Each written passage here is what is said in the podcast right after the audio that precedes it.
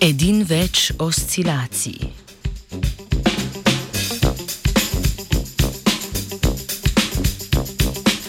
Dobro jutro.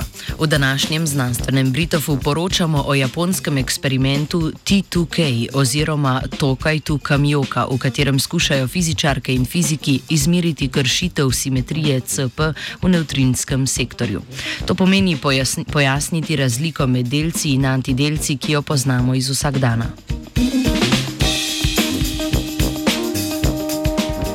Neutrinska fizika se od standardnega trkalniškega raziskovanja loči po redu velikosti zasnove eksperimentov in njihovega trajanja. Eden izmed prvih takih eksperimentov, Davisov eksperiment, je 24 let meril število sončnih neutrinov in opazil, da jih je premalo. K rešitvi tega problema, neutrinskim oscilacijam, je prispeval tudi eksperiment Kamiokande.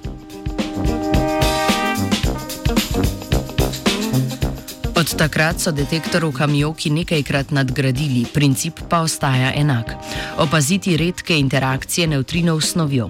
Tak dogodek včasih proizvede kratek blisk čerenkovega sevanja, iz slednjega pa lahko sklepamo o lastnostih neutrina. V nedavnem eksperimentu pa so v kamioki na mesto sončnih neutrinov umirili snop, ki ga je zadnjih deset let v detektor svetil 300 km oddaljen protonski sinhrotron v Tokaju, J-Park.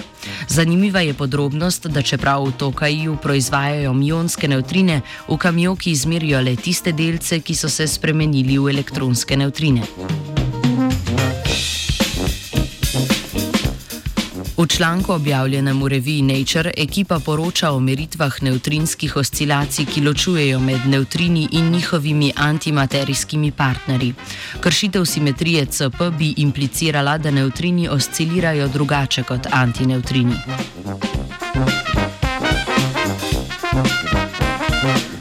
Kot morda lahko uganete, rezultati niso zelo jasni. Meritve zgolj z gotovostjo 2 sigma ali 95 odstotkov podpirajo hipotezo, da je simetrija CP za neutrine sploh kršena. Z verjetnostjo 3 sigma ali 99,7 odstotka pa so lahko izključili polovico dovoljenih stopenj kršitve. Kljub temu gre za prvo meritev kršitve simetrije CP za neutrine. V duhu prej omenjenega Davisovega eksperimenta pa bomo na toč točnejše rezultate verjetno čakali še kakšno desetletje.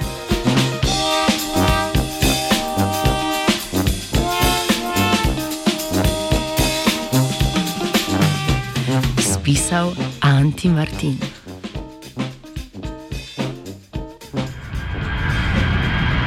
Poslušate Radio Student. Želimo vam uspešen vzlet in prijetno potovanje.